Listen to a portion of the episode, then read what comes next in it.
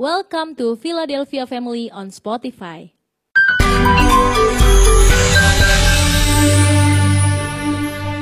Shalom. Haleluya, hari yang luar biasa kita boleh kembali ada di rumah Tuhan. Bapak Ibu Saudara sekalian, uh, seperti tema dari Bapak Gembala adalah tema gereja kita Yesus kunci mujizat.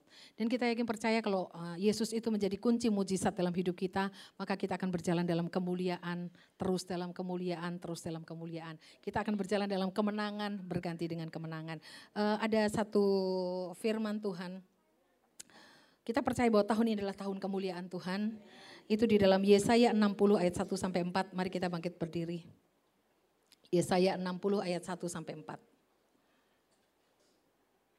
Ya, kita baca bersama-sama. Dua, tiga. Bangkitlah menjadi teranglah sebab terangmu datang dan kemuliaan Tuhan terbit atasmu. Sebab sesungguhnya kegelapan menutupi bumi dan kekelaman menutupi bangsa-bangsa. Tetapi terang Tuhan terbit atasmu dan kemuliaannya menjadi nyata atasmu. Ayat 3. Bangsa-bangsa berduyun-duyun datang kepada terangmu dan raja-raja kepada cahaya yang terbit bagimu. Ayat 4. Angkatlah mukamu dan lihatlah ke sekeliling. Mereka semua datang pun kepadamu, anak-anakmu laki-laki datang dari jauh dan anak-anakmu perempuan digendong. Haleluya, puji nama Tuhan. Saya ingin mereview sedikit apa yang disampaikan Bapak Gembala kemarin. Bapak uh, firman dari Bapak Gembala kemarin dikatakan bahwa kita akan berjalan dalam kemuliaan, berganti kemuliaan from glory to glory. Uh, firman Tuhan kemarin dikatakan bahwa Yosafat seorang raja yang dalam hidupnya itu berjalan terus mengalami kemenangan, kemenangan, kemenangan sampai akhirnya menjadi seorang raja yang sangat-sangat luar biasa. Kemarin dikatakan ada empat rahasia kenapa yang kita pelajari dari Yosafat, kenapa ia sangat-sangat uh, diberkati Tuhan dan terus mengalami kemenangan. Kemarin yang pertama saya ingin me, me, apa, mengingat kembali sedikit. Yang pertama adalah Yosafat seorang yang agresif dalam memuji dan menyembah Tuhan dalam kehidupan ini mari kita juga uh, mau meneladani kehidupan Yosafat. Kalau kita ingin sungguh-sungguh kita diberkati oleh Tuhan, ketika kita memuji Tuhan, kita menyembah Tuhan, mari itu kita lakukan dengan sungguh-sungguh, dengan hati yang melekat kepada Tuhan, dengan hati yang tertuju kepada Tuhan. Karena sekali lagi Tuhan itu nggak bisa dibohongi. Uh, orang cuma melihat luar, tapi sekali lagi Tuhan melihat hati. Ketika engkau memuji Tuhan dan engkau memuji Tuhan dari hatimu yang sungguh-sungguh hormat kepada Tuhan, yang sungguh-sungguh mengasihi kepada Tuhan, maka Tuhan itu hadiratnya akan dicurahkan dan engkau akan menerima jawaban dari Tuhan. Kalau kita lihat uh, kuasa pujian penyembahan itu luar biasa. Ketika Paulus dan Silas itu di dalam penjara, mereka itu diborgol. Tapi ketika mereka menaikkan pujian kepada Tuhan, terjadi sesuatu yang luar biasa. Saya baca sedikit saja ya. Itu dalam kisah 6 ayat 25 sampai 26. Ya, kita baca bersama-sama. Dua, tiga. Tetapi kira-kira tengah malam Paulus dan Silas berdoa dan menyanyikan puji-pujian kepada Allah dan orang-orang hukuman lain mendengarkan mereka. Ayat 26. Akan tetapi terjadilah gempa bumi yang hebat sehingga sendi-sendi penjara itu goyah dan seketika itu juga terbukalah semua pintu dan terlepaslah belenggu mereka semua. Haleluya. Ini satu perbuatan yang ajaib, dahsyat dan luar biasa. Mereka dalam keadaan terbelenggu, tapi ketika mereka dengan hati mereka yang sungguh-sungguh mengasihi Tuhan, yang sungguh-sungguh hormat kepada Tuhan, mereka menaikkan pujian penyembahan, maka dikatakan belenggu yang memborgol mereka itu terbuka semuanya saya yakin percaya ini sangat kuasa yang sangat hebat dan dahsyat ini juga akan terjadi dalam kehidupan kita. Mungkin kita terbelenggu, terbo, terborgol dalam kehidupan dengan masalah-masalah, masalah kesehatan, masalah keluarga, masalah ekonomi atau masalah apa pun. Tapi sekali lagi kalau kita dengan hati yang sungguh-sungguh memuji dan menyembah Tuhan, saya yakin percaya borgol eh, semua belenggu itu akan dilepaskan dan kita akan menerima kelepasan dari Tuhan. Jadi mari ketika memuji Tuhan jangan pandang remeh Jangan pandang, ah cuma menyanyi, ah cuma menyembah Tuhan. Tapi saya yakin percaya bahwa di dalam kuasa pujian penyembahan itu ada kuasa Tuhan yang sangat dahsyat dan luar biasa. Bahkan saya melihat bahwa uh, ketika Nabi Elisa, Nabi Elisa ini adalah nabi yang uh, sungguh-sungguh uh, punya hati yang sangat hormat akan Tuhan, menyembah Tuhan dengan luar biasa. Sehingga kalau saya lihat Nabi Elisa ini mendapatkan jawaban Tuhan yang cepat, instan. Kita kadang-kadang pengen ketika kita berdoa kita pengen jawaban instan, tapi kadang-kadang memang melalui proses. Tapi kalau kita lihat Elisa ini mendapatkan jawaban instan karena apa? Kalau kita lihat hati yang sungguh-sungguh percaya sungguh-sungguh pada Tuhan. Padahal kalau kita lihat masalah yang dihadapi Elisa ini pertarungan masalah yang berat. Di dalam satu Raja-Raja 18 ayat 36 sampai 39 dikatakan ketika itu ada eh, 450 nabi Baal, mereka menyembah Baal dan kemudian Nabi Elisa cuma satu. Karena waktu itu orang sudah berbalik dari Tuhan dan mulai menyembah Baal. Itu sebabnya Elisa e, menantanglah mereka ya, Nabi Baal. Dikatakan, mari kita e, intinya bertarung. Caranya adalah kita mempersembahkan mesbah. Mesbah ini yang 450 Nabi Baal dan ini Nabi Elisa cuma satu.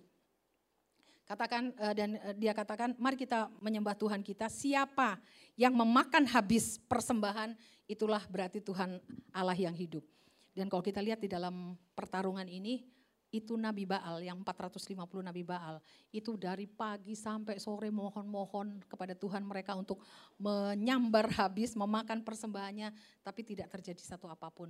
Tapi kita lihat jawaban yang langsung dari Tuhan ketika Elisa ini punya hati yang e, menyembah Tuhan. Kita baca dalam satu Raja-Raja 18 ayat 36 sampai 39. Ya, kita baca bersama ya. Dua, tiga. Kemudian pada waktu mempersembahkan korban petang, tampillah Nabi Elia dan berkata, Ya Tuhan Allah Abraham, Ishak dan Israel, pada hari ini biarlah diketahui orang bahwa engkaulah Allah di tengah-tengah Israel dan bahwa aku ini hambamu dan bahwa atas firmanmu lah aku melakukan segala perkara ini. Ayat 37, jawablah aku ya Tuhan, jawablah aku supaya bangsa ini mengetahui bahwa engkaulah Allah ya Tuhan dan engkaulah yang membuat hati mereka tobat kembali. Ayat 38, lalu turunlah api, Tuhan menyambar habis korban bakaran kayu api, batu dan tanah itu, bahkan air yang dalam parit itu habis dijilatnya. Ayat 39, ketika seluruh rakyat melihat kejadian itu, sujudlah mereka serta berkata, Tuhan dialah Allah, Tuhan dialah Allah. Haleluya. Kita bersyukur karena kita punya Allah yang hidup. Allah yang besar, Allah yang dahsyat, Allah yang luar biasa. Uh, di sini dikatakan di ayat tadi di ayat 36, Elia berkata, "Ya Tuhan Allah Abraham, Ishak dan Israel, pada hari ini biarlah diketahui orang bahwa engkaulah Allah di tengah-tengah Israel dan bahwa aku ini hambamu dan bahwa atas firmanmu lah aku melakukan segala perkara ini. Saya melihat begini bahwa seseorang yang hatinya hormat akan Tuhan, hormat akan firman Tuhan, maka akan dibela Tuhan dengan luar biasa. Ya, jadi ketika mempersembahkan itu langsung dijawab oleh Tuhan. Padahal ini kan sebenarnya pertarungan antara hidup dan mati ya. Uh, kalau misalnya Elisa ragu-ragu, Tuhan jawab nggak ya? Tapi Tuhan, eh, Elisa ini punya keyakinan iman yang kokoh di dalam Tuhan, percaya sungguh-sungguh kepada Tuhan. Itu sebabnya dia mendapatkan jawaban yang segera dari Tuhan. Ya, jadi eh, kalau kita mau hidup dalam kemenangan berganti dengan kemenangan, yang pertama yang tadi ya kita memuji menyembah Tuhan dengan agresif, yang kemudian juga kemarin dikatakan Bapak Gembala berdoa dengan agresif, memberi dengan agresif, dan juga yang terakhir kita punya iman yang agresif. Supaya sungguh-sungguh tahun ini menjadi tahun kemuliaan Tuhan. Haleluya. Saya rindu benar-benar kita semua di tempat ini, kita tahun ini menjalani dengan sungguh-sungguh eh, bahwa Yesus itu kunci mujizat dalam hidup kita. Mari kita baca di dalam yang tadi Yesaya 60 ya, kita ingin melihat apa yang ingin Tuhan kerjakan dalam hidup kita. Yesaya 60 ayat 1, ayat 1 dulu. Yesaya 60 ayat 1. Bangkitlah menjadi teranglah sebab terangmu datang dan kemuliaan Tuhan terbit atasmu. Firman Tuhan katakan bangkitlah. Nah mungkin dari mungkin dari bulan September sampai sekarang ini ketika Bapak Gembala menyampaikan firman Tuhan bahwa Yesus kunci mujizat, bahwa kita akan mengalami kemuliaan, kita akan mengalami berkat-berkat Tuhan yang luar biasa. Tapi mungkin hari ini Hari ini kita mendapatkan situasi yang tidak seperti yang kita harapkan. Belum, kita belum uh, apa mendapatkan jawaban seperti yang diharapkan. Mungkin uh, bisnis kita masih mengalami apa stagnasi atau mungkin malah merosot. Mungkin kesehatan kita kita sudah berdoa, berdoa, berdoa, tapi tidak semakin baik, tapi mungkin ada kemerosotan malahan atau mungkin dalam kehidupan keluarga kita rindu ada pemulihan, tapi Tuhan belum mendapat uh, Tuhan belum menjawab doa-doa kita, tapi melalui firman Tuhan hari ini firman Tuhan katakan bangkitlah. Bangkit. Jangan kita menjadi lemah, jangan kita merasa ah tahun lalu juga begitu, aku sudah berdoa, aku sudah ini tidak terjadi apa-apa, tapi mari kita sungguh-sungguh yakini bangkit. Seperti Bapak Gembala katakan, mari kita ambil keputusan. Semua kekhawatiran, semua ketakutan, mungkin semua trauma dari yang lalu-lalu yang jelek-jelek, kita buang semua. Kita mau bangkit dan kita hadapi dengan yang baru. Kita tangkap firman Tuhan, kita imani firman Tuhan sampai uh, berkat-berkat yang luar biasa itu datang dalam kehidupan kita. Itu yang pertama, kita harus bangkit. Yang kemudian yang kedua adalah uh, Yesaya 60 ayat 2. Yesaya 60 ayat 2, 2, 3. Sebab sesungguhnya kegelapan menutupi bumi dan kekelaman menutupi bangsa-bangsa, tetapi terang Tuhan terbit atasmu dan kemuliaannya menjadi nyata atasmu. Haleluya. Uh, firman Tuhan katakan bahwa memang kegelapan, kekelaman itu sedang menutupi bumi sedang menutupi dunia ini. Artinya bahwa di tengah-tengah kita itu akan banyak masalah yang akan menekan kehidupan kita. Tapi kalau kita mau bangkit dan dikatakan terang kemuliaan Tuhan turun atas kita, maka kemuliaan Tuhan itu akan nyata di dalam kehidupan kita.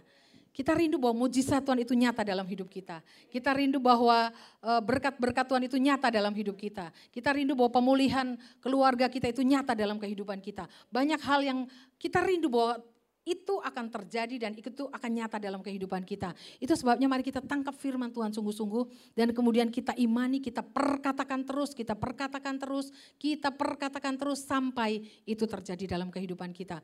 Karena kalau kita lihat eh, contoh paling paling gampang lah ya, kehidupan Yusuf ketika menerima janji dari Tuhan bahwa satu saat dia akan diangkat menjadi raja.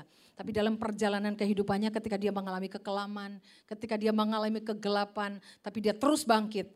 Ketika dia uh, mengalami masalah demi masalah, masalah demi masalah, dia tidak terpuruk di sana, dia tidak tenggelam di sana, dia tidak menjadi lemah di sana, tapi Yusuf adalah orang yang sungguh-sungguh percaya kepada Tuhan. Dia terus bangkit, terus bangkit, terus bangkit sehingga satu saat sekali lagi, satu saat bahwa kemuliaan itu nyata atas kehidupan Yusuf. Kita yakin juga dan percaya, mungkin perjalanan kita sekarang ini mungkin masih juga uh, terkadang belum seperti yang kita harapkan, terkadang masih uh, apa ya, uh, belum mengalami hal-hal yang luar biasa, tapi kita berjalan terus, percaya terus, percaya terus sampai kemuliaan Tuhan sampai segala sesuatu yang kita rindukan itu akan nyata dalam kehidupan kita ya. Jadi jangan putus asa, jangan pernah menyerah. Bangkit, mari kita bangkit, katakan kiri kanan. Ayo kita bangkit, bangkit. Haleluya. Uh, tadi saya katakan pagi, uh, Pendeta Obaja ngobrol dengan Bapak Gembala dan saya.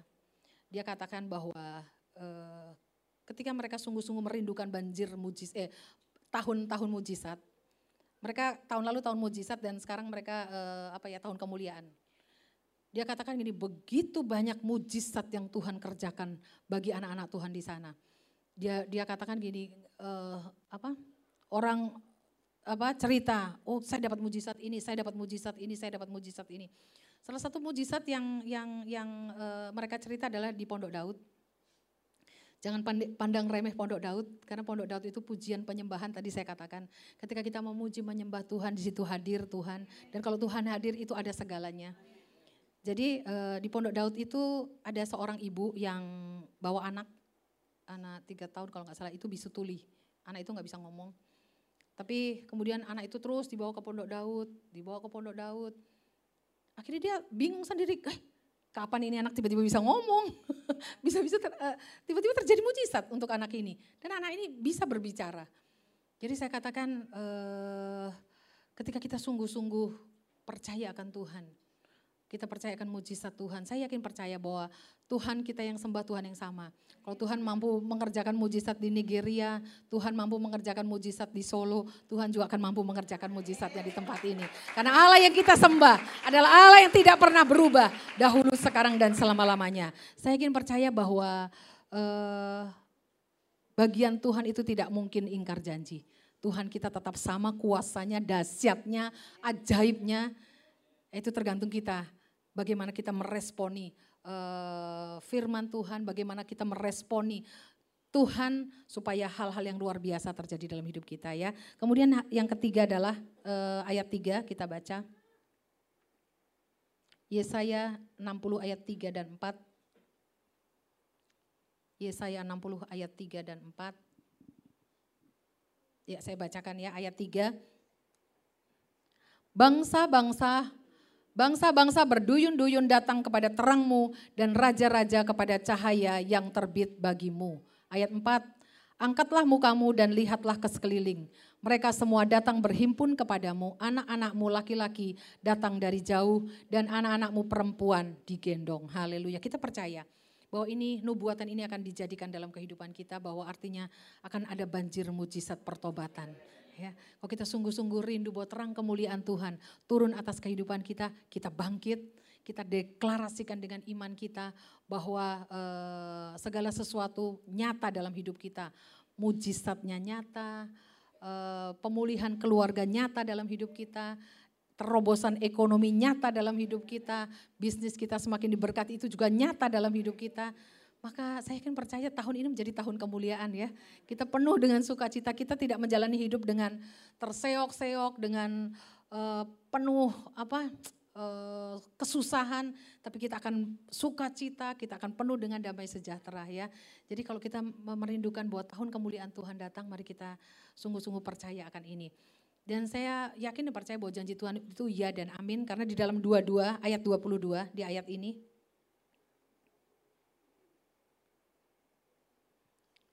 Yesaya 60 ayat 22. Yesaya 60 ayat 22. Ya, kita baca bersama-sama. Dua, tiga. Yang paling kecil akan menjadi kaum yang besar, dan yang paling lemah akan menjadi bangsa yang kuat. Aku Tuhan akan melaksanakannya dengan segera pada waktunya.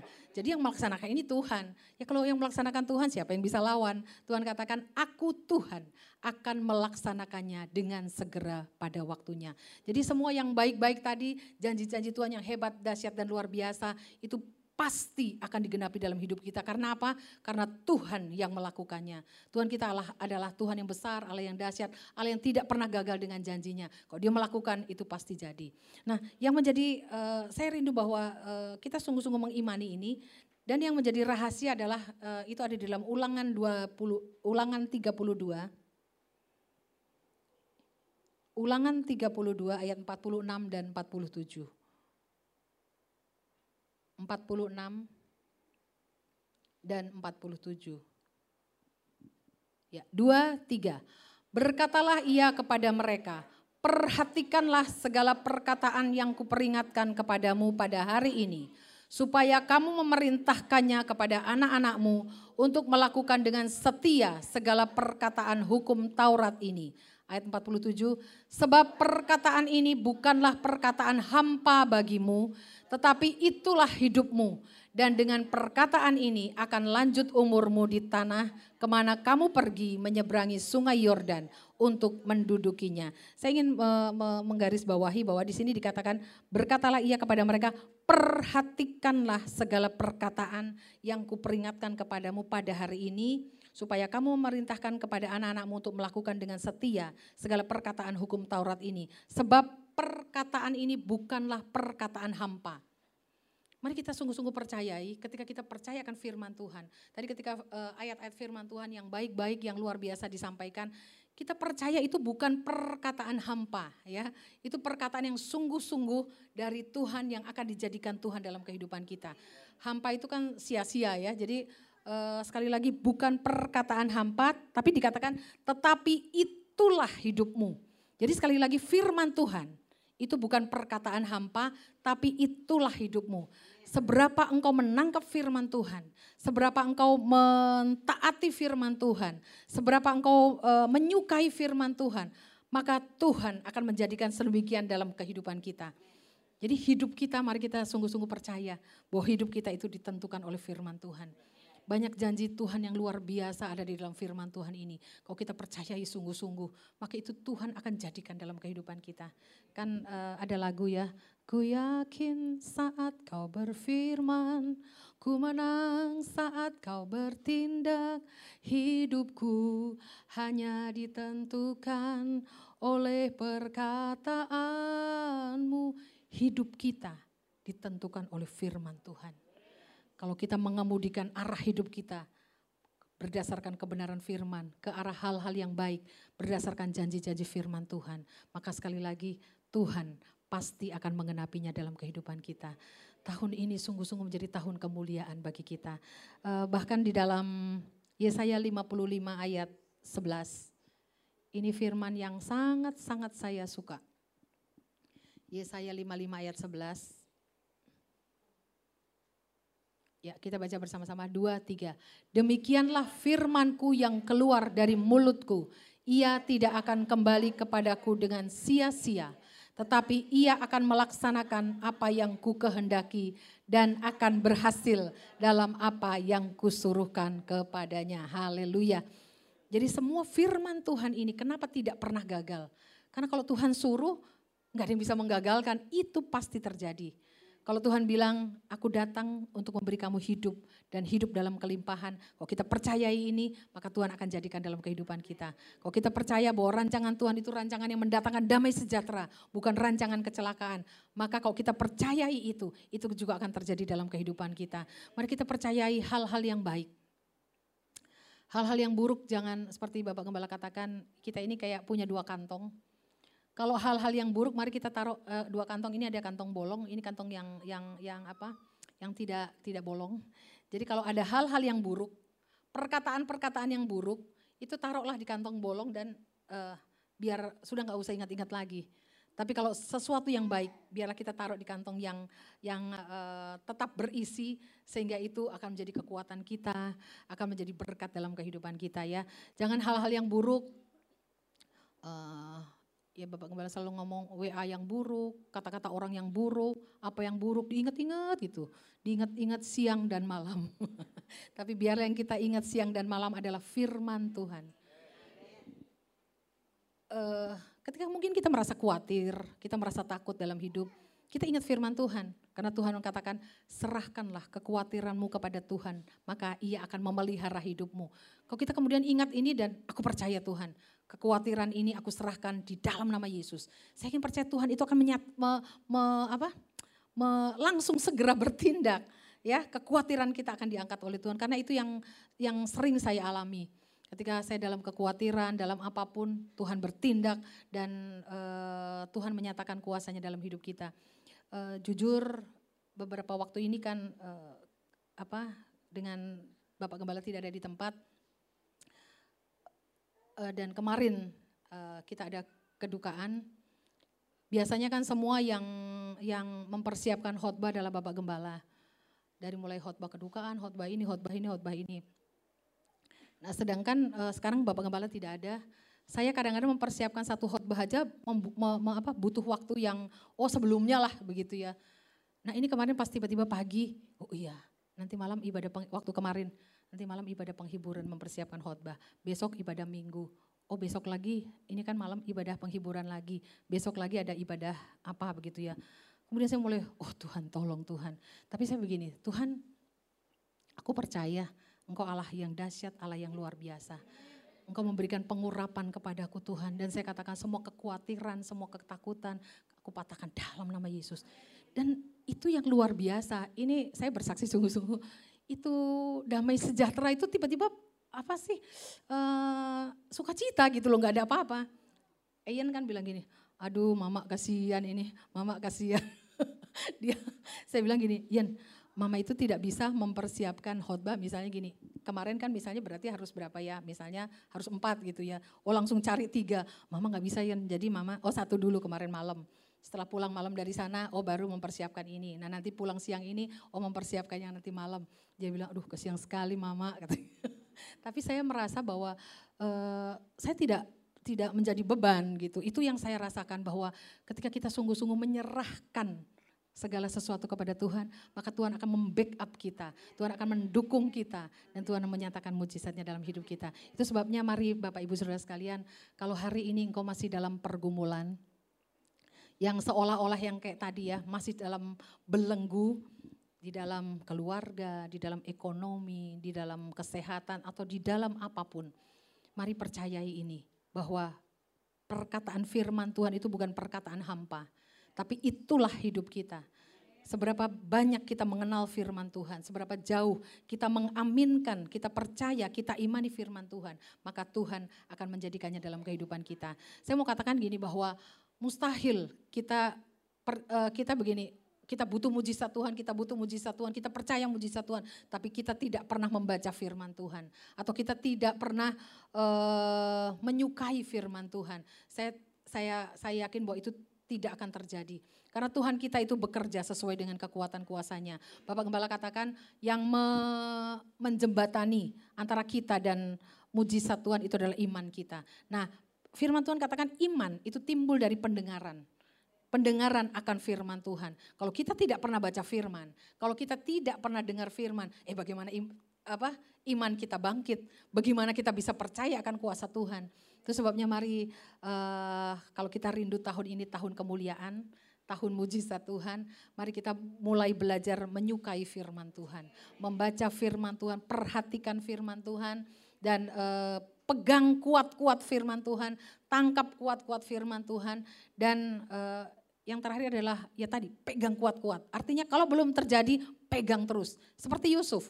Yusuf ketika belum menerima janji Tuhan tetap dia pegang. Walaupun dalam penjara masuk sumur, uh, perlakuan segala macam, tapi dia pegang terus janji Tuhan, pegang firman Tuhan, sampai pada akhirnya penggenapan uh, janji Tuhan dinyatakan dalam kehidupan Yusuf. Begitu juga dengan Abraham. Abraham ketika menerima janji Tuhan untuk menerima menjadi bapak banyak bangsa, satu anak pun gak dapat, sedangkan istrinya sudah semakin tua. Tapi Abraham seorang yang tidak pernah bimbang hatinya, dia pegang janji Tuhan, dia pegang terus, pegang terus, pegang terus sampai pada akhirnya penggenapan Tuhan dijadikan dalam kehidupannya. Ya, mari uh, saya rindu kita semua keluarga Philadelphia, jangan uh, lemah semangat, jangan lemah iman karena memang firman Tuhan katakan di dalam Yohanes 10 ayat 10, Iblis datang untuk mencuri, membunuh, dan membinasakan. Yang dicuri, dibunuh, dibinasakan adalah iman kita. Supaya kita tidak bisa percaya kepada Tuhan. Supaya kita melihat hanya masalah, masalah demi masalah. Tapi kita tidak bisa melihat Tuhan kita yang dahsyat, Tuhan kita yang besar dan luar biasa. Tapi kalau kita arahkan pandangan mata kita, iman kita kepada Tuhan yang dahsyat, maka segala sesuatu itu akan di, dibereskan oleh Tuhan. Ya, Mari kita bangkit berdiri. Saya rindu kita menyanyikan satu pujian. Ku yakin saat berfir, kau berfirman.